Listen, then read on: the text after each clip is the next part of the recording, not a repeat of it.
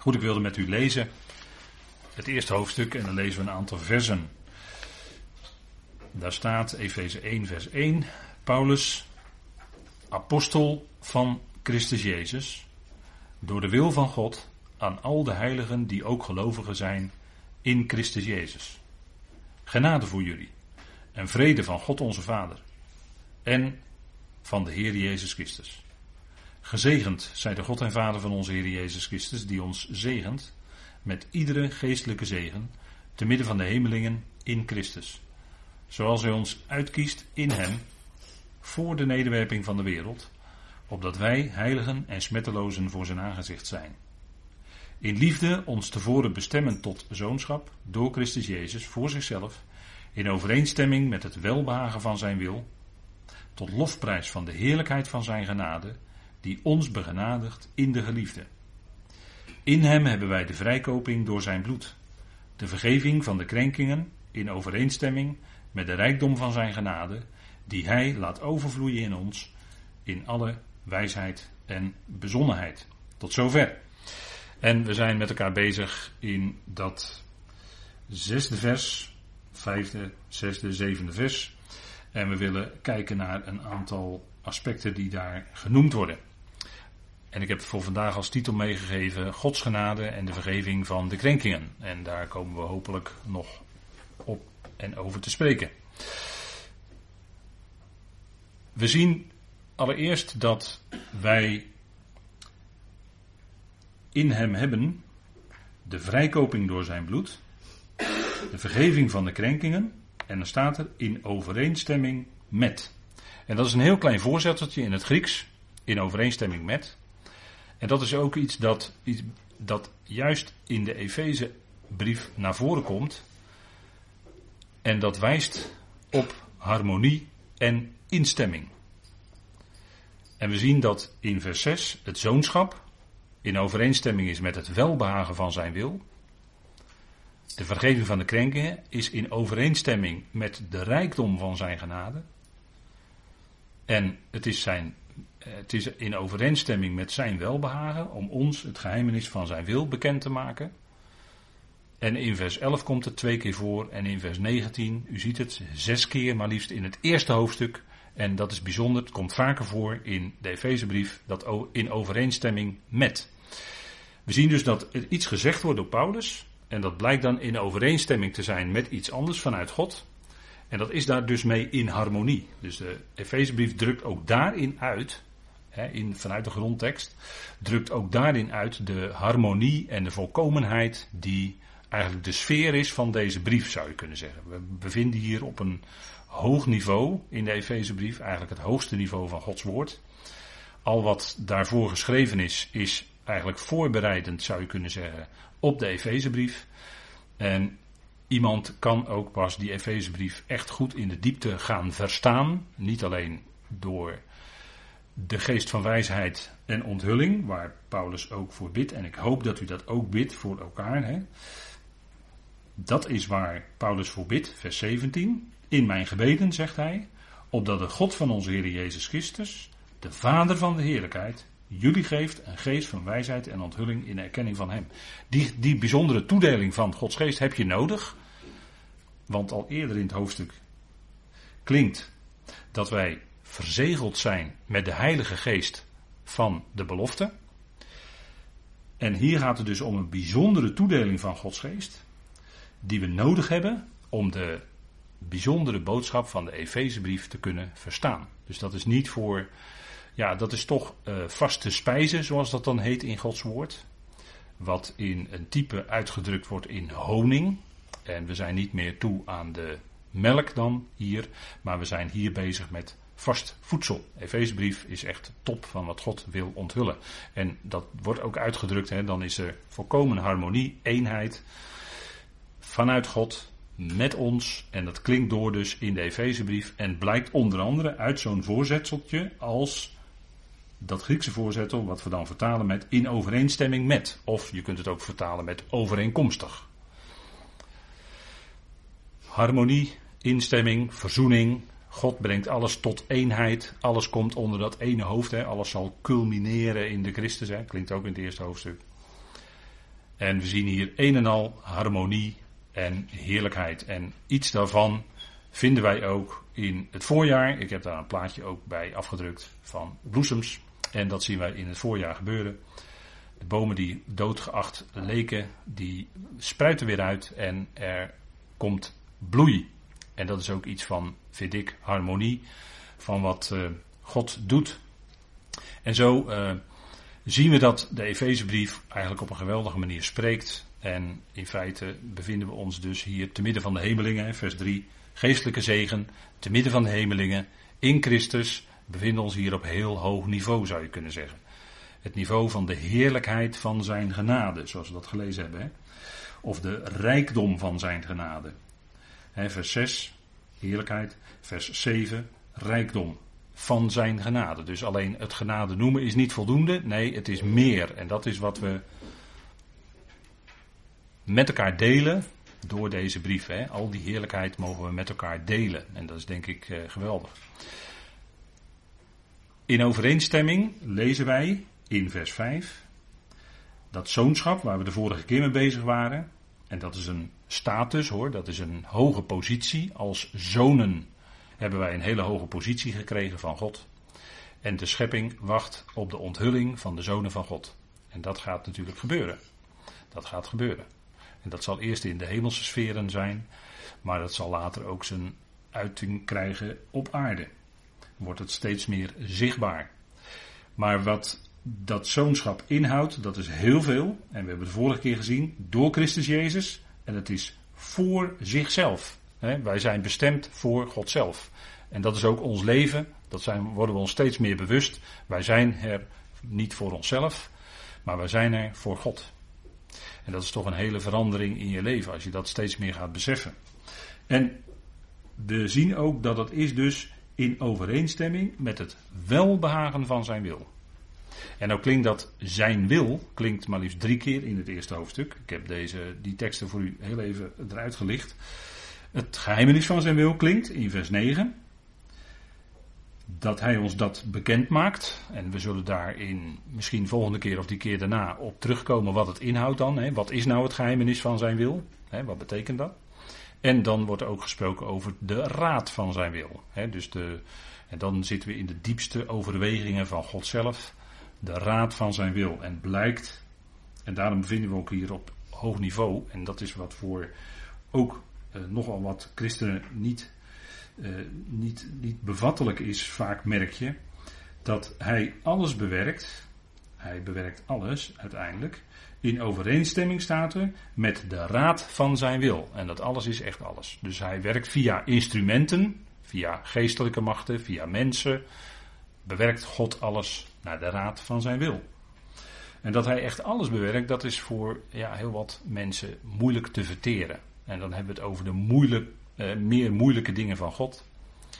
Dat er niet alleen de, hè, God is goed, hij is goed voor iedereen. Maar God blijkt ook te zijn de schepper van het kwaad uiteindelijk. En God is ook, hij zet ook instrumenten in om dat te doen. De tegenstander bijvoorbeeld. En dat is een moeilijk te verteren punt, bijvoorbeeld. Hè. Maar waar wel uit blijkt dat God alles bewerkt overeenkomstig zijn raadsbesluiten, de raad van zijn wil. En daar komen we heel dichtbij in deze brieven van Paulus. Want daarin wordt het hoogste onthuld wat God te onthullen had. En de brieven van de besnijdenis zijn altijd minder. En ook niet compleet. Pas over compleetheid en uh, complement en completering lees je in de brieven van Paulus. Dat lees je niet in de brieven van de besnijdenis. Of in het evangelie van de besnijdenis. Dat is een bepaald niveau. Maar dan ben je er nog niet. Dan moet er nog van alles compleet gemaakt worden. En dat maakte Paulus bekend. In overeenstemming dus met het welbehagen van zijn wil.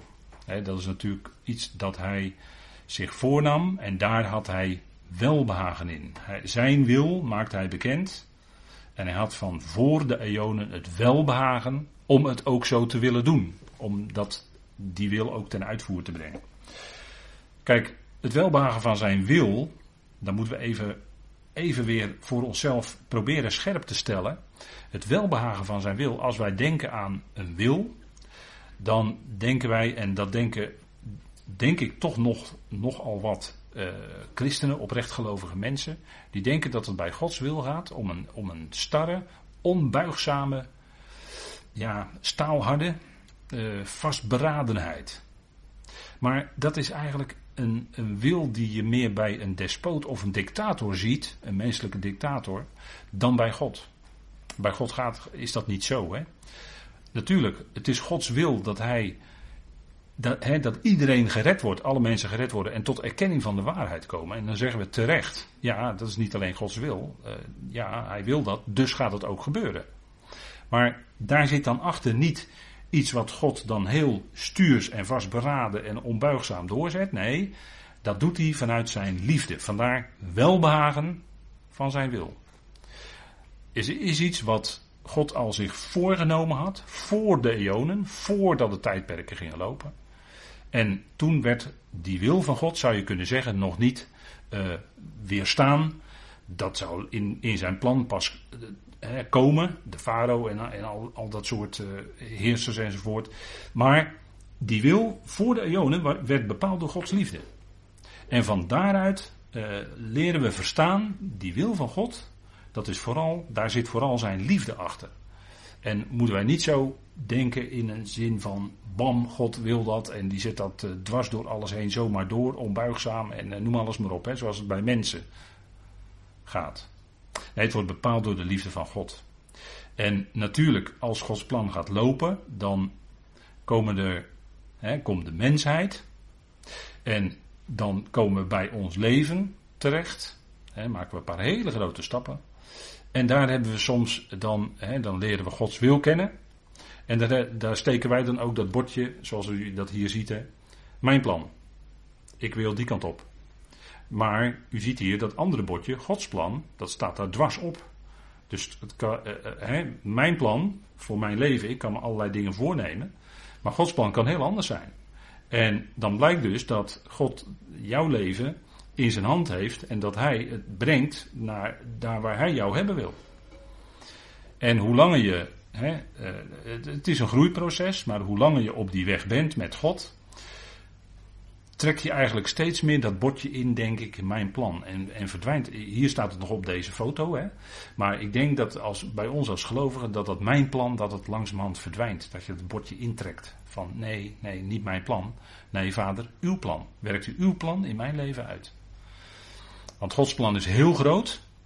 En dat, dat, dat, en dat beperkt zich ook toch tot ons leven. Hij zet ons op een bepaalde weg. En, en hij zet je in een bepaalde richting. Achteraf zie je dat pas. En als je dat bewust wordt. En ik denk dat die bewustwording heel belangrijk is voor ons als gelovigen. Dat we dan steeds meer intrekken. Nee, niet mijn plan. Ik kan ook zeggen met het gebed van de Heer Jezus. Nee, niet mijn wil, maar uw wil. En dat je daarin kan, je daaraan kan overgeven. Dat je daarin kan rusten. Want dat geeft ook een ontspannenheid en een rust. Dat geeft misschien heel veel activiteit in je leven. Die, eh, zo bedoel ik die rust niet. Maar ik bedoel dan die rust van binnen in je hart. Dat je kan overgeven, ja vader, het is uw plan. Dit is uw plan met mijn leven, werkt u het uit. En uh, ja, er worden natuurlijk dan boeken over geschreven. Van als je nou tegenslag in je leven hebt, hoe ga je dan daarmee om? En uh, ook vanuit christelijke zijde. Nou, allemaal prima natuurlijk. Maar ik denk toch dat hè, als het gaat om antwoorden, dat we bij Gods woord te raden gaan. En dat we ons dan bewust worden, hè, als je zo'n hoofdstuk leest van Romeinen 8, hè, waar we dan in de dagstukjes mee bezig zijn. Dan, eh, dan is het altijd weer verrassend als je daar doorheen gaat wat je tegenkomt. Hè? Dat, dat het gewoon een heel bijzonder fijn hoofdstuk is. Vol met antwoorden bedoel ik dan. Vol met antwoorden voor jouw praktijk, voor je dagelijks leven. En ja, dat, en daar, want daarin komt veel aan de orde. Het lijden. Maar ook je bewust worden dat je een zoon bent van God. Daar is Efeze 1 ook mee bezig. Hè? Wij hebben het zoonschap, hè? de plaats van zoon hebben we gekregen. En in die plaats van zoon ondervind je ook lijden, omdat je een zoon van hem bent. Of een dochter. En dat is denk ik waar, waar, het om gaat. Hè? Dat we ons bewust zijn, ja vader die werkt zijn plan met zijn zonen uit en die hebben een bevoorrechte positie. Maar die bevoorrechte positie leidt er ook toe dat het in je leven, kijk maar naar de zoon met een hoofdletter, lijden oplevert. Hoeveel lijden heeft de Heer in zijn dagelijks leven toen hij op aarde in zijn bediening was, meegemaakt. Veel, heel erg veel. En hij heeft gehoorzaamheid geleerd uit hetgeen hij heeft geleden. En ik denk dat dat, Hebreeën stelt dat vast. Ik denk dat dat een heel nadrukkelijk punt is. Dat God ook uh, dingen in kan zetten in ons leven. Dan zijn we gewend, door de loop van de jaren heen hebben we geleerd om te zeggen: het is opvoedende genade. Zeker, dat is het ook. Opvoedende genade. Het is ook genade, maar het voedt ons op. En brengt ons dichter bij Hem. Want dat is uiteindelijk de bedoeling. Dat was in het leven van Job ook zo. Job zei aan het eind van zijn leven, toen hij heel veel leed had meegemaakt. Ik had van horen zeggen van u vernomen. Maar nu heeft mijn oog u gezien. En dat is een veel, veel nadere, veel nauwere band tussen Job en God was er tot stand gekomen. Door het lijden heen, dat was de functie. En dat is niet een vrede God hoor, die dat in ons leven brengt. Nee, eh, het, is, het zijn tekenen van zijn liefde. Ook als er dingen tegen zitten. Want dan zijn we ons bewust dat ook dat werkt mee in Gods plan. Wij weten niet wat moet zijn. U kent, het zijn allemaal bekende woorden, maar ik herhaal ze toch nog maar een keer. Wij weten niet wat moet zijn, maar God wel. En daarom kunnen we vol vertrouwen ons leven overgeven in Zijn hand. En ja, vader, wat u doet is goed. Het is goed wat u doet. Is het tegenslag? Gaat het moeilijk? Is het moeizaam? Ja, dat zijn allemaal tekenen dat God met ons aan het werk is. De apostel Paulus die kon ook niet altijd uh, doen wat hij zich voornam. Dan werd, hij wilde hij ergens naartoe gaan, dat schrijft hij ook in zijn brieven, daarom weten we dat. Wilde hij ergens naartoe gaan. En dan uh, werd dat verhinderd. En de ene keer zegt hij, de geest van Jezus liet het niet toe. En de andere keer zegt hij, de tegenstander verhinderde mij. Maar Paulus wist in al die omstandigheden dat dat, ook al werd zijn weg afgebogen en ging hij ergens anders naartoe, dan besefte Paulus heel goed dat het Gods plan was. Dat het niet buiten Gods wil en zijn bedoeling omging. Maar dat God daardoor heen werkte. Dus die wil van God, het welbehagen van zijn wil, hè, eudokia, zo heet een ziekenhuis ooit hier in Rotterdam. Dat is welbehagen, dat is een prachtig woord. Het welbehagen van zijn wil.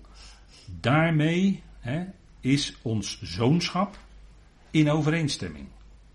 Dat moet ons goed bewust zijn. Hè? Zoon heeft een hele nauwe band en daar spreekt liefde uit met de vader. De, de, band tussen de vader en de zoon was er een van liefde. En uh, kijk, gaat het bij kind en vader, dat is nog een andere band. Maar tussen een zoon of een dochter en vader, dat is een veel nauwere relatie. Dat spreekt, zoonschap, zeker in het Midden-Oosten, spreekt van volwassenheid. Van, daarom wordt die uitdrukking ook vaak gebruikt. Ik heb vorige keer genoemd de, dat de wetteloze is de zoon van de destructie. Dat is een typisch Oosterse manier van spreken. Hij is bestemd om uiteindelijk ja, een hele grote rol te spelen in de eindtijd. Zeker, dat zitten we heel dichtbij. Gaat hij een hele grote rol spelen, maar hij is gedoemd, om het zo maar te zeggen, om tot destructie te gaan, want hij is de zoon van destructie. Hij gaat ook heel veel vernietiging aanrichten, maar hij zal ook zelf uiteindelijk teniet gedaan worden door de adem van, hè, door het woord wat de Heer dan spreekt. Nou, bepaald door de liefde van God, hè, het welbehagen van zijn wil. Ik denk dat het goed is om daar toch uh, ja, een moment bij stil te staan, omdat het in de tekst naar voren komt. Hè. In overeenstemming met. Het is daarmee volledig in harmonie. Je moet dus vragen, u bent een zoon, hè, wij zijn zonen, door Christus Jezus. En dan voor zichzelf, dus voor God zelf, zijn we bestemd. Voor zichzelf, daar, hebben we ook bij stilgestaan. In overeenstemming met het welbehagen van zijn wil. Moet je op je in laten werken, want dat is heel veel wat hier gezegd wordt. Paulus die stapelt voortdurend met woorden om tot uitdrukking te brengen hoe groot die heerlijkheid is, hoeveel het is wat God ons geeft en hoe dichtbij zijn hart wij als zonen geplaatst zijn. Dat, dat moeten we ons ook bewust zijn, hè, dat het niet zomaar iets is. Nou, dat is een enorme status hoor. En we zijn bestemd ja, tot iets hoogs en dat, dat is nou eenmaal wat de schrift zegt. En het is tot lofprijs, dan gaat de tekst verder, hè, tot lofprijs niet van zijn genade, maar de heerlijkheid van zijn genade. En dat is die uitdrukking vinden wij maar liefst drie keer in dit hoofdstuk. Tot lofprijs van de heerlijkheid van zijn genade. In vers 12. Tot lofprijs van zijn heerlijkheid. En in vers 14 ook tot lofprijs van zijn heerlijkheid. Dus drie keer, tot drie keer toe wordt van ons gezegd als zonen. En dat, dat is ook die prediking, de, de doorgegeven, doorgeven van de boodschap voor bedoeld. Dat gelovigen zich bewust worden van hun zoonschap. En niet alleen dat ze kind van God zijn, nee, dat ze zonen zijn. Dat is heel belangrijk. Dat is goed omdat je dat bewust te worden. En dat is dat we zijn tot lofprijs van de heerlijkheid van zijn genade. Nou, als je deze dingen leest in de Efezebrief, ik denk dat je dan niet anders kunt dan God loven en prijzen. En hem danken voor die heerlijkheid en die genade die hij er geeft. Het is allemaal om niet. Het is allemaal, hè, zoals eh, de psalmist ook zegt, hè, dat lazen van de week in een psalm. Dat uh, ze, ze hebben, en dat wordt ook door uh, Johannes in Johannes 15 aangehaald. Uh, dat om niet, hè, dat is dan de andere kant. Zij hebben de Heer gehaat om niet, staat er dan. Ze haten hem om niet. Johannes 15 staat het, hè, dat sprak de Heer uit in de opperzaal. En dat had de psalmist al gezegd als profetie over de Messias. Ze haten hem, ze zouden hem haten om niet. Om de woorden die hij sprak, om de dingen die hij deed. Maar dat was allemaal niet verkeerd, maar het schoot bij de luisteraars in het verkeerde keelgat en daarom haten ze hem. Hij was zonder zonde en nochtans. En ons valt een heleboel toe, en dat is dan de, helemaal de andere kant. Ons valt enorm veel genade toe, gerechtvaardigd, om niet. Er was niets in ons wat God ertoe noopte om ons te roepen. Niets. Helemaal niets. Integendeel zelfs zou ik willen zeggen. En toch, om niet. En dan kun je niet anders dan een lofprijzing hebben in je hart. En dat komt dan ook uit je mond. Hè, want wat in het hart zit, dat hoor je ook, dat komt uit de mond. Hè. Wat bij de mens in het hart zit, dat, daar spreekt de mens van. En dat, is, eh, dat, dat weet u, als je luistert naar mensen, dan hoor je wat in hun hart zit. Tot goedgunstigheid van de ander. Lofprijzing, dat doe je om God te loven en te prijzen. En je wil, als je dit weet, hè, dan kun je alleen maar. Ja, wij kunnen God niet zegenen, maar het woord zegenen, dat weet u, dat is goed spreken van. Als je dit hoort, kun je alleen maar goed spreken van God. Als je aan God denkt, kun je alleen maar denken, wat, wat geweldig, wat heerlijk, wat, wat eh, goed, wat, alles wat daarmee te maken heeft. Goed, gunstig, zijn barmhartigheid en, en noem alles maar op. Psalmen, natuurlijk, zijn lofprijzing van Israël. Maar Paulus schreef in zijn brieven ook psalmen. He, er heeft uh, een schrijver, een uh, Amerikaanse schrijver als Dion Huff, heeft daar wel eens over geschreven. De psalmen van de apostel Paulus. Nou, dat zijn gewoon hele fijne artikelen. En dan haalt hij zo even een stukje uit Romeinen 5 of uit 1 Korinthe 15 naar voren. En dan laat hij wat dingen daarvan zien. Kijk, dat is nou een lofprijzing, een psalm bij Paulus. En dat is gewoon heel fijn als je dat leest. Daar word je door opgebouwd. En dat is ook wat we heel hard nodig hebben in deze tijd dat ons geloof wordt opgebouwd. Er zijn talloze berichten in deze wereld die niet positief zijn. En die uiteindelijk ook niet echt opbouwend zijn, maar die uh, naar beneden trekken. Kijk, dit evangelie wat Paulus brengt, en bijzonder deze Efezebrief natuurlijk, dat is wat je verheft, dat is wat je hart opbouwt, wat je bemoedigt. Dat je die grote God mag kennen. En dan verdwijnt de mist uit je leven, dan verdwijnt duisternis uit je hart. En dan kun je alleen hem loven en prijzen. Hè? Lofprijzing. Dat is heel veel hoor. Dat is heel veel wat in de brieven van Paulus naar voren komt. Daarom kon Paulus ook niet anders beginnen dan. Gezegend zij de God en Vader van onze Heer Jezus Christus. Dat is dan wat over je lippen komt als je aan God denkt. dat is niet vroom, maar dat is wat dan in je hart zit en wat echt naar buiten komt. Dat is echt, dat is puur. Kijk, in de genade, als we het hebben over de heerlijkheid van zijn genade, tot lofprijs van de heerlijkheid van zijn genade, dan ben je dus een stap verder dan de Romeinenbrief. In de Romeinenbrief ging het om genade. Dat is al geweldig, want de Romeinenbrief is een geweldige brief. Natuurlijk, heerlijk om daarvan te lezen. Romeinen zegt ons, je bent gered door genade van God. En toch is dat voor mensen moeilijk. Ook mensen die al zo lang luisteren. Kan dat nog moeilijk zijn dat het echt zuiver genade is. Dat je er dus echt niets voor kunt doen. Niet vooraf en ook niet als je tot geloof bent gekomen, om het zo maar te zeggen. Daarna, dan nog, is het louter en alleen genade. Maar je merkt keer op keer dat mensen daar moeilijk mee hebben. En dat er toch op een of andere manier, ook al is het maar een heel klein beetje, wordt er toch iets van werken weer bij verwacht. Kijk, dat we genade hebben gekregen en dat we die, in die werken wandelen die God tevoren bereid heeft, de goede werken, Efeze 2 vers 10. Jazeker, maar ook dat is vanuit de genade. Dat is niet iets waarbij jij nog eens een keer iets kan presteren om voor God iets te kunnen verdienen. Als je in dat denken zit, dan zit je in een, zit je in een ander denken. Dan zit je in een ander iets dan waar Paulus het over heeft als hij spreekt over genade. Kijk, bij Israël was het genade gebaseerd op. Daar was het genade met een stukje voorwaarde erbij. Vanuit de wet bekeken, als Israël zich er nou maar aan zou houden, dan zouden ze gerechtigheid krijgen. En dat lukte niet. En dat was ook precies de bedoeling ervan. De mens is zonder God reddeloos. De mens kan zichzelf zonder Jezus Christus niet redden. Hij heeft Hem nodig. En dat is voor een mens heel moeilijk. Ook voor een gelovig mens blijkt dat toch steeds weer een moeilijk punt te zijn. Steeds weer duikt dan de gedachte op van ja, maar dat is maar zo makkelijk. En ga je dan de rest van je leven in een luie stoel zitten? Nee, dat is, helemaal, dat is helemaal niet het geval. Daar gaat het ook helemaal niet om. Maar het punt is dat genade, kijk, genade dat raakt ons. En dat heeft alles met het kruis te maken. Het kruis van onze Heer Jezus Christus, die daar gekruisigd werd 2000 jaar geleden. Daar heeft het mee te maken.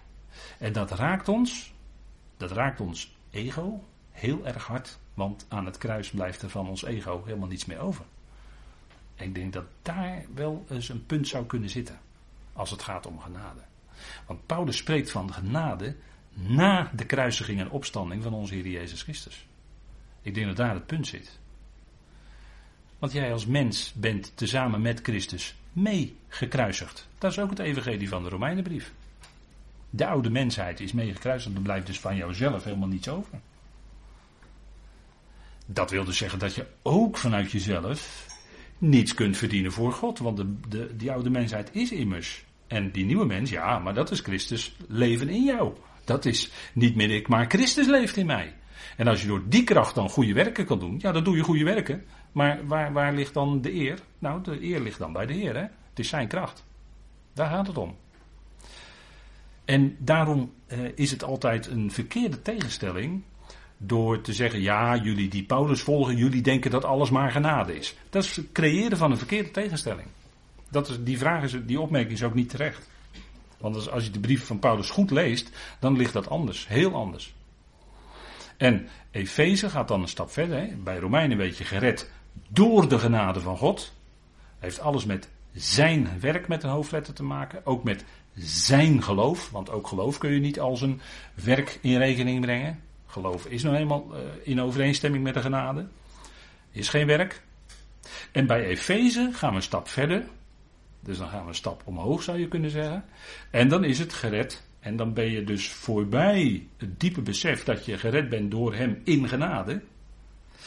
En dat je voortaan kan leven als geredde in, of je mag het zelfs ook, hè, vanuit die datief uh, vorm, mag je dat ook zelfs vertalen als voor zijn genade. Zoals dat in Efeze 2, vers 5 en 8 staat. Voor genade gered. Namelijk om die genade ook te tonen in de toekomst aan de hemelse machten en krachten.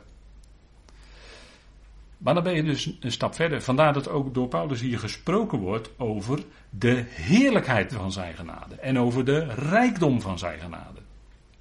Dus dat is je zou kunnen zeggen, inderdaad, dat plaatje, buitensporige genade.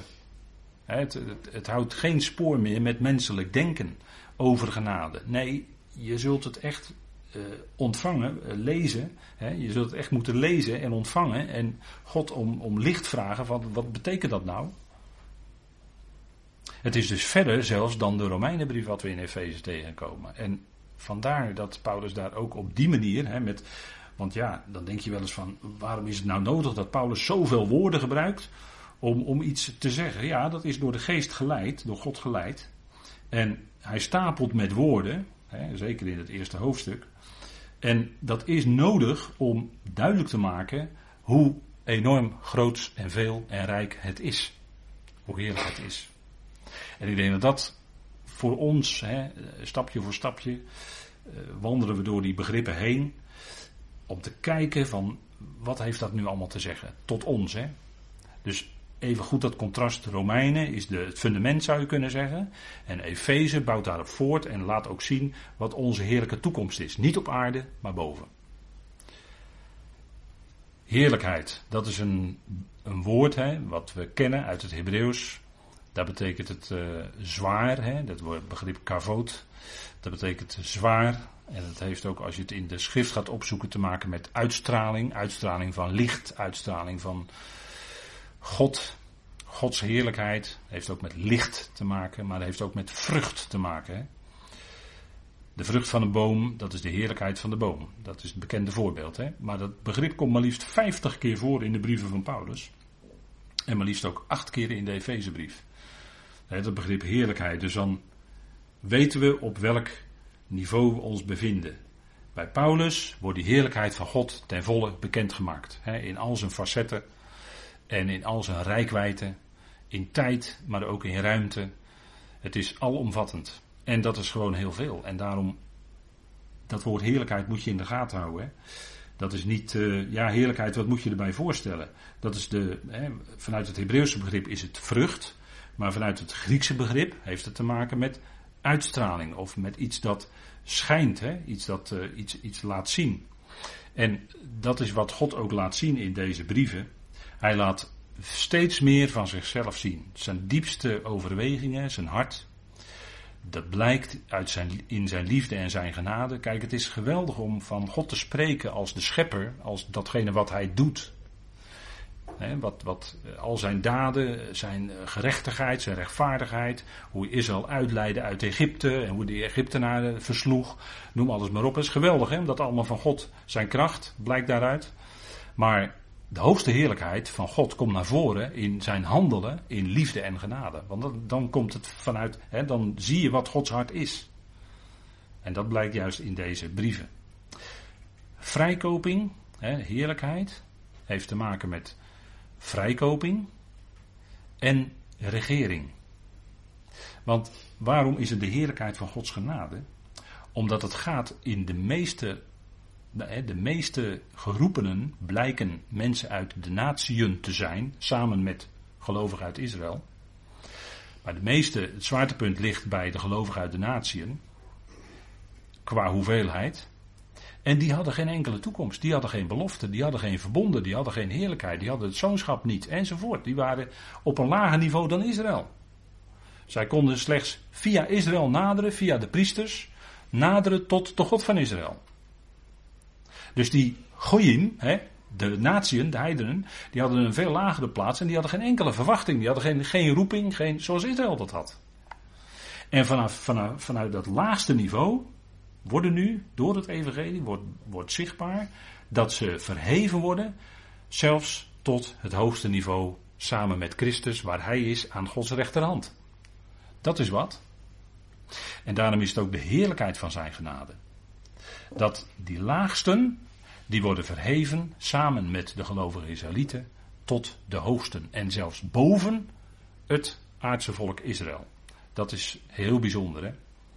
Daarom is het ook zo rijk wat ons wordt aangereikt. En die plaats van de natieën ten opzichte van Israël, die was eerst ondergeschikt. En uit deze Efezebrief blijkt dat de natieën in geestelijk opzicht op gelijk niveau komen met Israël. En dan zelfs een plaats krijgen boven te midden van hemelse machten en krachten. Nou, dat is een boodschap die ook heel moeilijk ligt hoor. Heel moeilijk ligt voor veel mensen. De heerlijkheid van Gods genade staat er. De heerlijkheid van Gods genade. En ja, dan kom je dat woord genade steeds weer tegen. Want er staat er Gods genade die ons begenadigt in de geliefde. En dan in het volgende vers klinkt ook weer de genade. De genade die ons begenadigt in de geliefde. En dan staat er in vers 7. De rijkdom van zijn genade. Dus het blijft maar doorgaan hè, met die genade. Genade is iets wat een mens blij maakt. Genade is iets wat een mens dankbaar maakt. Het geeft vreugde in ons hart. Het geeft dankbaarheid. En dat is wat in Efeze 1 vers 6 klinkt. Hier staat een bijzonder woord, hè, dat woord begenadigen. Dat wordt van gelovigen alleen hier in Efeze gebruikt. En in Lucas 1, vers 28 van Mirjam of Maria, die de moeder van de Heer zou worden. En daar wordt ook tegen haar gezegd, laten we het even met elkaar opzoeken. Dat is de enige andere keer dat het woord begenadigen in de schrift voorkomt. Dus alleen bij Mirjam, Maria en verre voor de gemeenteleden. En dat, dat maakt het weer tot zo'n bijzonder woord. Hè, dat het eigenlijk bijna alleen voor ons gebruikt wordt. Dat is toch ook wel weer bijzonder, denk ik. Lucas 1, vers 28. En er staat: In de zesde maand werd de boodschapper Gabriel door God gezonden. Vers 26 naar de stad in Galilea, waarvan de naam Nazareth was. Naar de maagd die ondertrouwd was met de man van wie de naam Jozef was, uit het huis van David. En de naam van de maagd was Maria. En toen de boodschapper bij haar binnengekomen was, zei hij: Wees gegroet, begenadigde. De Heer is met u. U bent gezegend onder de vrouwen. En toen zij hem zag, raakte zij in verwarring door zijn woorden en ze vroeg zich af wat de betekenis van deze groet kon zijn. Nou, hier wordt tegen Miriam, Maria dus gezegd: Jij bent de begenadigde, waar zoveel generaties in Israël op hadden gewacht.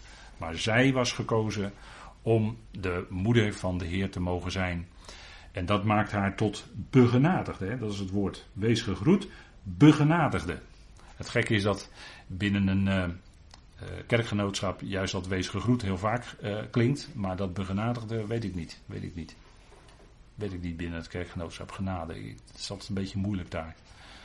Maar zij is de begenadigde, hè, Mirjam. En de boodschapper Gabriel, die zegt ook, hè, die werd speciaal van God gezonden. De Heer is met je. En jij bent gezegend onder de vrouwen. Zij mocht de moeder zijn van de Messias, van de Heer. Dat is toch wel heel bijzonder. Waar veel vrouwen in Israël naar hadden uitgekeken dat misschien zij dat mochten zijn, maar Mirjam was daarvoor gekozen. En precies natuurlijk op de juiste tijd, in de juiste lijn van de geslachten. En dat had natuurlijk ook te maken met David. Hè, als we het hebben over de geliefde, hè, God die ons begenadigt, hè, de Gods genade die ons begenadigt in de geliefde, dan is de geliefde natuurlijk de Heer Jezus Christus. Dat is Hij die geboren werd als mens, om die weg te gaan die Hij moest gaan, in de wil van God, naar de wil van God, in overeenstemming met Gods plan, met zijn raad en voornemen, werd Hij ook gekruisigd, hè, zegt Petrus. Het was naar de bepaalde raad en voorkennis van God dat Hij gekruisigd werd. Dat was de weg die hij moest afleggen. Als de geliefde zoon, van wie klonk, dat moeten we nooit vergeten, daar moet je niet langs heen lezen dit. In de geliefde moet je niet langs heen lezen. Waarom staat het er zo? Om aan ons duidelijk te maken, eigenlijk hoe dicht wij bij Gods hart zijn. In de geliefde. In hem. Gods geliefde. Van wie de boodschapper zei, of van wie de stem uit de hemel klonk toen hij gedoopt werd, in water weet wel in de Jordaan. Deze is mijn zoon, de geliefde, hoort naar hem. En dat klonk ook op de verheerlijking op de berg. Klonken ook die woorden. Deze is mijn zoon, de geliefde, je zou kunnen zeggen de ware David. Hè. De naam David betekent ook geliefde, geliefd. Een type David, een type van onze Heer. Hij was de geliefde die zoveel psalmen heeft gemaakt. En dan prachtige psalmen. Als je zo daar dus doorheen leest, dan lees je eigenlijk de Messias.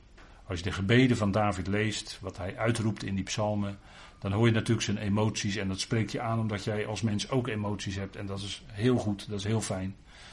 Je kent dezelfde emoties. Maar gaan we een stapje hoger en een stapje verder, dan is het de Messias. Dan horen we in feite, hè, mensen vragen zich wel eens af, ja, de Heer Jezus die ging alleen op de berg om te bidden. En wat heeft hij dan gebeden? Dat leest u terug in de psalmen. Die gebeden. Hij heeft aan het kruis ook gebeden.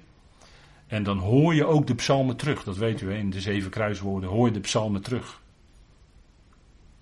En hij citeert ook. Ik, al, zojuist citeerde ik ook uit... Uh, uit een psalm, hè, wat de Heer Jezus aanhaalt in uh, Johannes 15 in de opperzaal. Dus hij kende die psalmen heel goed.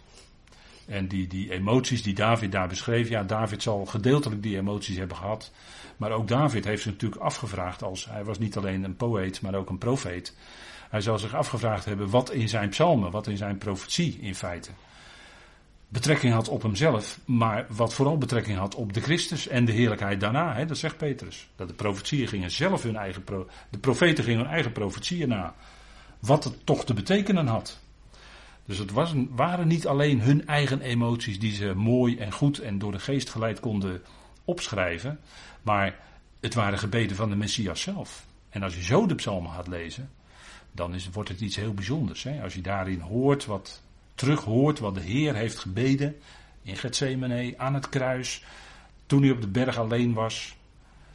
Dat wat hij uitriep en, en natuurlijk, we mogen alles tegen God zeggen. Hè? Er is geen enkele beschroomdheid. Zeg alles tegen hem wat op je hart is. Dat zegt ergens in de 60 psalm, staat het ook letterlijk. Stort je hart uit voor zijn aangezicht. Dat is altijd het beste. Zijn met een hoofdletter dan. Stort je hart uit voor zijn aangezicht. In gebed mag je alles tegen hem zeggen, alles met hem delen. En bij vader, bij die vader met een hoofdletter, is het vertrouwd. Hè? Dat, dat, is, dat is bijzonder. Bij die vader is het echt 100% vertrouwd. Kijk, mensen, als je mensen dingen toevertrouwt, die kunnen je wel eens beschamen. Als je mensen in vertrouwen iets zegt en je het later toch terug hoort, dat is niet fijn. Dat is niet fijn. Daarin word je dan soms beschaamd hè, als het om eh, mensen gaat. Maar dat zijn dan mensen die dat doen. Hè. Maar bij vader kun je alles brengen en je kunt het ook bij hem laten. Dat is soms wel eens moeilijk, hè, die last die op je hart ligt. Om die bij God te brengen, daar kun je al schroom voor hebben. Maar als je dat doet, dan merk je al iets van, denk ik toch, van binnen een beetje verlichting. Hoop ik. En als je het bij hem kan laten, dat is geweldig. Dat wat jouw hart zo neerdrukt. Daar waar je steeds maar mee bezig bent. Wat steeds maar door je gedachten tolt. Dat je dat bij vader brengt. Zegt Paulus toch ook in Filippenzen 4.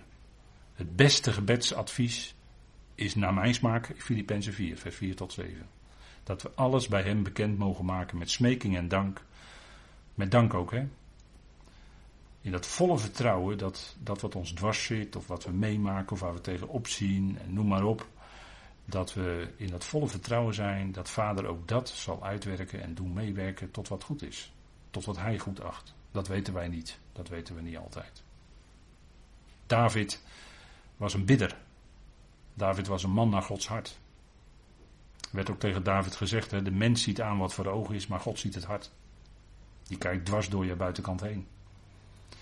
En dat is uh, denk ik maar goed ook. Dat God ons hart kent, dat hij al onze overwegingen kent. Hè? Want dat zal ook straks blijken bij de Bema.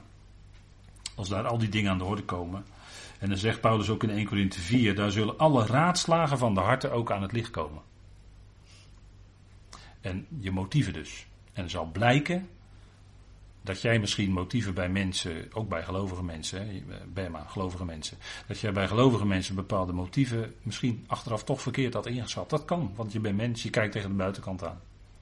Je probeert dan een motief te peilen van iemand, maar je weet ten diepste toch niet helemaal. Maar God wel, God ziet het hart aan.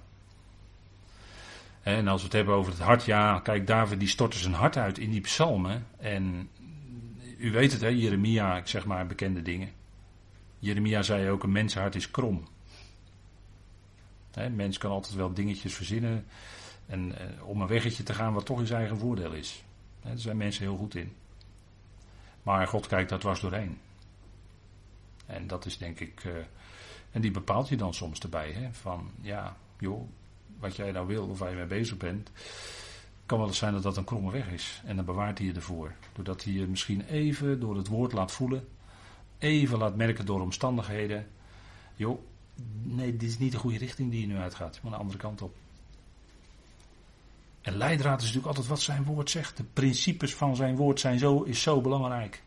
De wetmatigheden die in zijn woord staan zijn zo belangrijk om die te volgen. En wijk je daarvan af, dan merk je het. En dat kan tot schade en schande in je leven zijn hoor. Dus dat is heel goed om, om steeds dat, dat, dat, dat woord je te laten aanscherpen, zodat je leven steeds meer langs dat woord recht komt te liggen. En je hart langs dat woord recht komt te liggen voor God. Ik denk dat dat heel belangrijk is, dat dat belangrijke dingen zijn. Hè? En dan kunnen we met Dan, als een David kunnen we alles met God bespreken, alles bekendmaken bij hem. Ja, die heerlijkheid, die wacht. En we zijn begenadigd en we blijven dat te allen tijden. God trekt zijn genade niet in, dat is onmogelijk. Per definitie onmogelijk, omdat het genade is. En ik denk dat dat, ja, dat, dat, is, dat zijn bijzondere dingen. We zijn begenadigd in de geliefde notabene, hè? zijn geliefde zoon. God ziet ons in hem. Was dat geweldig, hè? Ik denk dat dat iets is wat ons altijd bewust mogen zijn. Ook als we de dingen goed willen doen, als we de dingen ideaal willen doen en we komen net niet aan het ideaal toe, net niet perfect. Ja, dat is nou eenmaal ons menselijke makken. Maar God ziet ons nogthans altijd aan in genade, in de geliefde. Ja, dat mogen we bewust zijn. Ik denk, daar, daar kun je s'avonds mee gaan slapen. En dan kun je s morgens weer mee wakker worden met zo'n gedachte. En dan zeg je dank u Heer als je wakker wordt. Ja toch? Goed, we gaan even pauzeren met